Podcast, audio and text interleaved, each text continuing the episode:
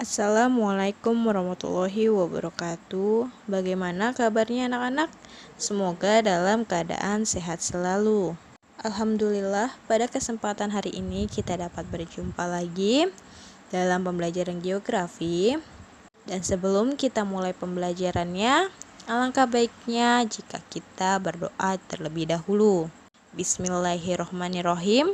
Semoga apa yang kita pelajari hari ini dapat bermanfaat nantinya.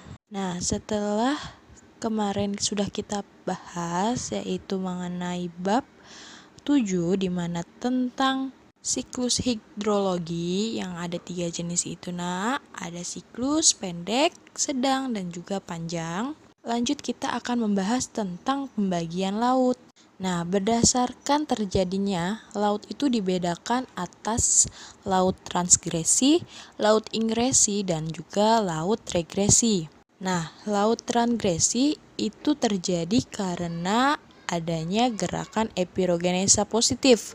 Masih ingat nggak tentang gerakan epirogenesa positif dan juga epirogenesa negatif? epirogenesa positif, naiknya permukaan laut dan daratannya menurun. Kalau epirogenesa negatif, naiknya daratan dan permukaan lautnya menurun. Nah, untuk laut transgerensi itu terjadi karena tergenangnya suatu dataran rendah akibat naiknya permukaan laut yang disebabkan karena mencairnya es di kutub utara dan kutub selatan bumi di mana contohnya itu seperti Laut Jawa. Yang kedua, ada laut ingresi, yaitu laut dalam yang terjadi karena penurunan dasar laut. Nah, jenis laut ini umumnya berada di antara kedua dangkalan. Contohnya seperti Laut Banda dan Laut Tengah. Lalu yang terakhir ada laut regresi. Nah, laut regresi itu adalah laut yang menyempit dan terjadi pada proses sedimentasi di bawah sungai. Nah, pada proses sedimentasi tersebut tidak ada hentinya, sehingga dataran pantai jadi semakin meluas. Nah, itu adalah beberapa menurut terjadinya laut. Ada transgresi, laut ingresi, dan juga regresi. Diingat ya nak, ada tiga transgresi, ingresi, dan regresi. Selanjutnya ada laut menurut letaknya, di mana laut menurut letaknya itu dibedakan atas tiga. Ada laut tepi, laut pertengahan, dan juga laut pedalaman. Laut tepi yaitu laut yang terletak di tepi benua atau nama lainnya kontinen dan seolah-olah terpisah dari samudra luas oleh deretan pulau-pulau. Contohnya Laut Cina Selatan yang di mana dipisahkan oleh Kepulauan Indonesia dan Kepulauan Filipina.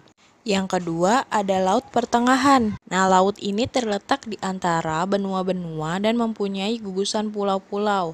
Contohnya ada Laut Tengah antara benua Eropa dan benua Afrika dengan gugusan kepulauan Yunani. Dan ada juga Laut Pertengahan Australia, Asia dengan gugusan kepulauan Indonesia.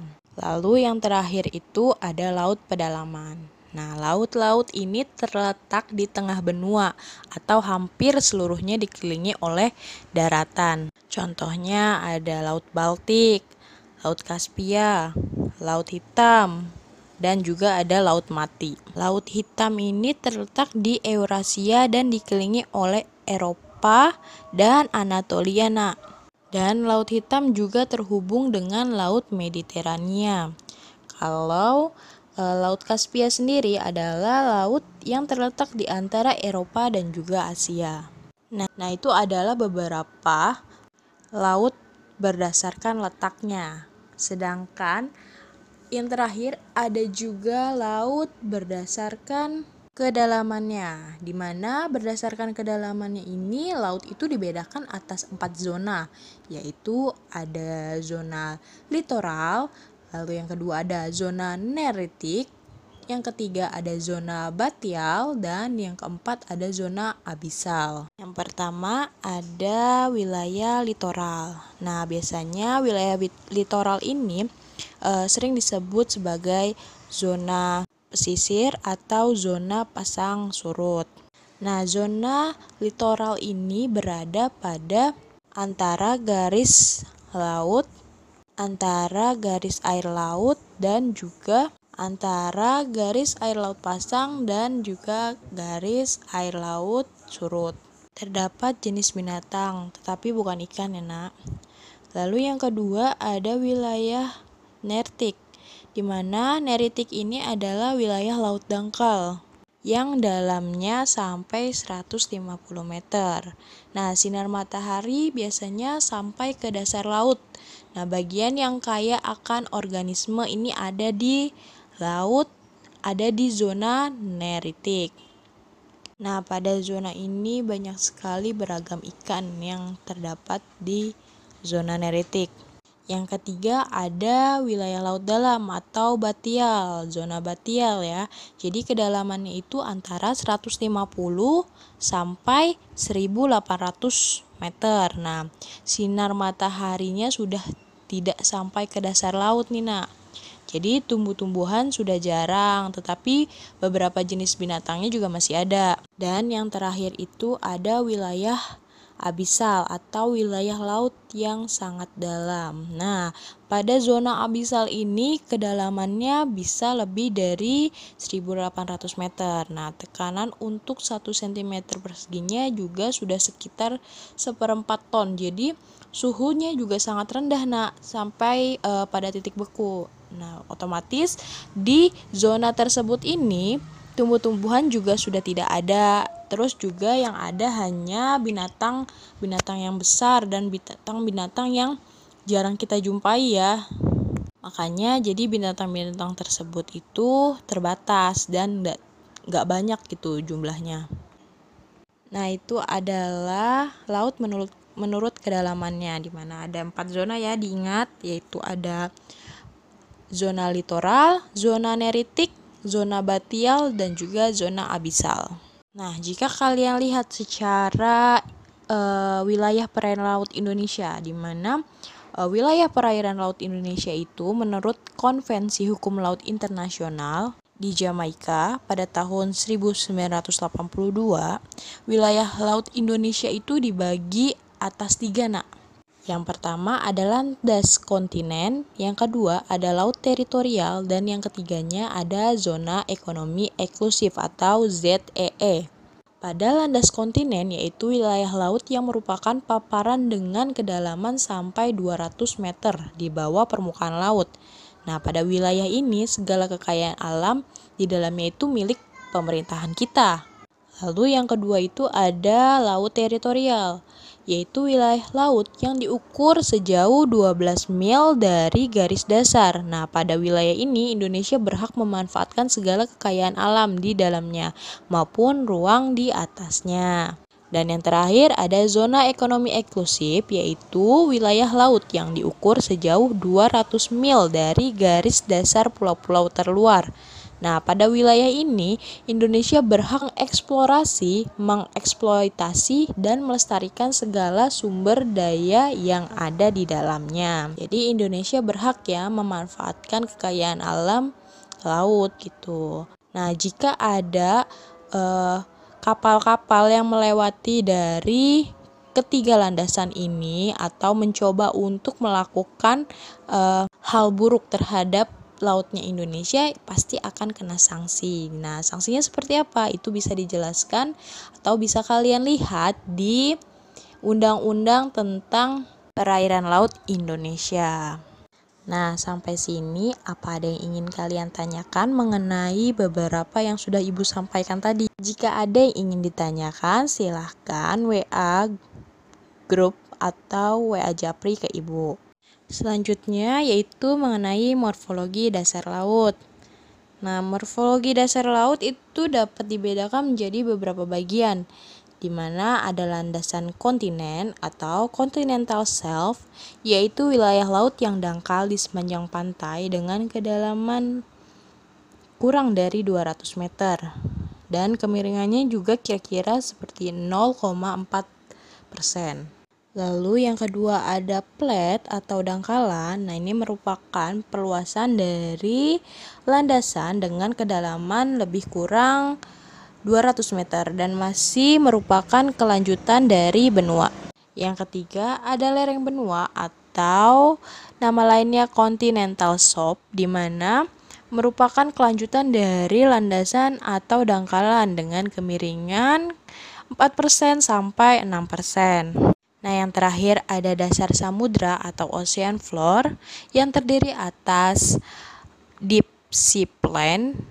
Apa itu deep sea plain? Yaitu dataran dasar laut dalam dengan kedalaman lebih dari 1000 meter. Yang kedua, ada the deeps, yaitu dasar laut dalam yang berbentuk palung laut. Pada ocean floor terdapat relief antara lain ada gunung laut, Simon, terus Guyot dan Punggung Laut, Ambang Laut, Lubuk Laut, Palung Laut yang terakhir.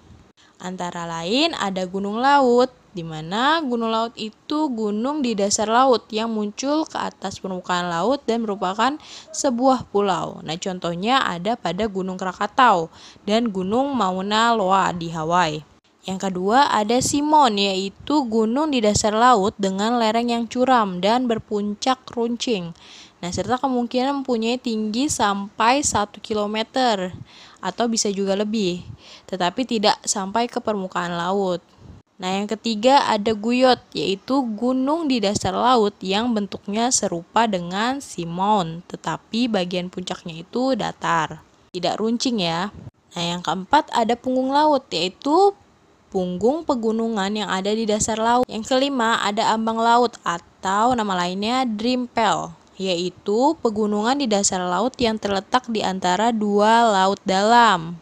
Dan yang keenam, ada lubuk laut atau biasa disebut basin, yaitu dasar laut yang terbentuknya bulat cekungan yang terjadi karena ingresi. Contohnya ada lubuk laut Sulu dan lubuk laut Sulawesi. Yang terakhir, yang ketujuh, ada palung laut atau trok, yaitu lembah yang dalam dan memanjang di dasar laut terjadi karena ingresi. Nah, contohnya ada palung Sunda di sebelah selatan Pulau Jawa, lalu ada juga palung Minda Palung Mindanao di sebelah timur Filipina. Nah, itulah beberapa penjelasan mengenai morfologi dasar laut. Selanjutnya ada dinamika atau gerak air laut, di mana gerak air laut itu ada tiga macam, yaitu ada ombak atau gelombang, yang kedua ada pasang dan arus. Nah, pada ombak atau gelombang itu terjadi ada dua macam, yaitu karena angin dan juga karena gempa. Ombak yang terjadi karena angin yaitu terjadinya oleh gesekan atau tekanan angin di permukaan laut, di mana arah geraknya sesuai dengan arah angin. Contoh, apabila angin kencang berarti ombak juga besar. Lalu yang kedua, ombak karena gempa laut. Nah, ini terjadi jika di dasar laut sering terjadi dislokasi atau letusan gunung api. Nah, peristiwa ini menimbulkan gempa laut yang disebut tsunami. Nah, ombak karena gempa laut ini pernah terjadi di Indonesia. Nah, yaitu oleh Gunung Krakatau kalau kalian tahu tentang Gunung Krakatau pada tahun 1883 mana pada tahun tersebut adalah tahun yang paling kelam yang penuh sejarah tentang pergunungan. Nah, itu adalah ombak, sedangkan yang kedua ada pasang. Nah, pasang adalah naik turunnya permukaan air laut. Jadi, apabila permukaan air laut naik, biasanya disebutnya pasang naik. Nah, apabila permukaan air lautnya turun, biasanya disebut pasang surut. Nah, gerak air laut pasang ini biasanya terjadi karena gaya tarik atau gravitasi bulan dan matahari. Dari adanya gaya tarik atau gravitasi antara bulan dan matahari menghasilkan air laut yang tertarik ke arah matahari dan bulan, mana menghasilkan dua tonjolan. Ada dua macam pasang laut, yaitu ada pasang purnama dan juga pasang perbani. Pada pasang purnama yaitu pasang yang terjadi ketika bulan purnama dan bulan baru. Nah, hal ini terjadi karena ketika posisi bumi, bulan, dan matahari berada dalam satu garis lurus. Nah, pasang ini merupakan pasang naik yang sangat tinggi dan pasang surut yang sangat rendah. Sedangkan pasang perbani itu terjadi ketika posisi bumi, bulan, dan matahari membentuk sudut tegak lurus. Nah, pasang ini menghasilkan pasang naik yang rendah dan pasang surut yang tinggi. Jadi perbedaannya, pasang purnama menghasilkan pasang naik yang sangat tinggi dan pasang surut yang sangat rendah. Sedangkan pasang perbani pasang naik yang rendah dan pasang surutnya yang tinggi. Nah, pasang perbani juga terjadi pada saat bulan seperempat dan tiga perempat. Nah, nanti akan Ibu share bentuk atau gambar e, pasang purnama dan juga pasang perbani agar kalian bisa membandingkan antara pasang purnama dan pasang perbani. Nah, selanjutnya ada arus laut. Yang terakhir, arus laut adalah gerak air laut yang menyerupai sungai yang sangat lebar atau luas, yang mempunyai peredaran tetap dan teratur. Adapun berbagai macam arus laut, menurut letaknya, menurut suhunya, dan menurut terjadinya. Menurut letaknya, arus laut itu dibedakan menjadi arus atas dan juga arus bawah. Arus atas jika arusnya bergerak di permukaan laut, sedangkan arus bawah jika arusnya bergerak di bawah permukaan laut. Menurut suhunya, arus laut dibedakan menjadi arus panas dan juga arus dingin. Pada arus panas, jika suhunya lebih panas dari suhu air laut di sekitarnya. Sedangkan arus dingin, jika suhunya lebih dingin dari suhu air laut di sekitarnya. Nah, contohnya ada arus Peru, arus Oyasio, dan arus Labrador.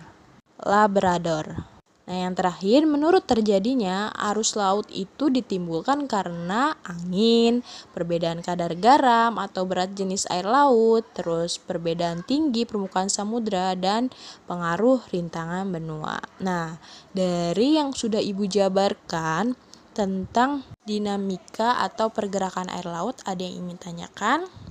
Kalau tidak ada yang ingin tanyakan, kita akan memasuki kuis. Jika ada yang ingin tanyakan, silahkan tanyakan terlebih dahulu melalui WA group dan juga uh, eh, WA Japri ke Ibu. Seperti biasa, uh, pada kuis ada tiga pertanyaan. Silahkan kalian jawab pertanyaan dari Ibu dengan jawaban yang tepat. Setiap kuis yang kalian jawab akan bernilai 3 bintang atau tiga keaktifan dari ibu bagi lima siswa tercepat. Sisanya akan mendapatkan satu bintang dari ibu. Oke, disimak baik-baik ya nak. Kuisnya nomor satu.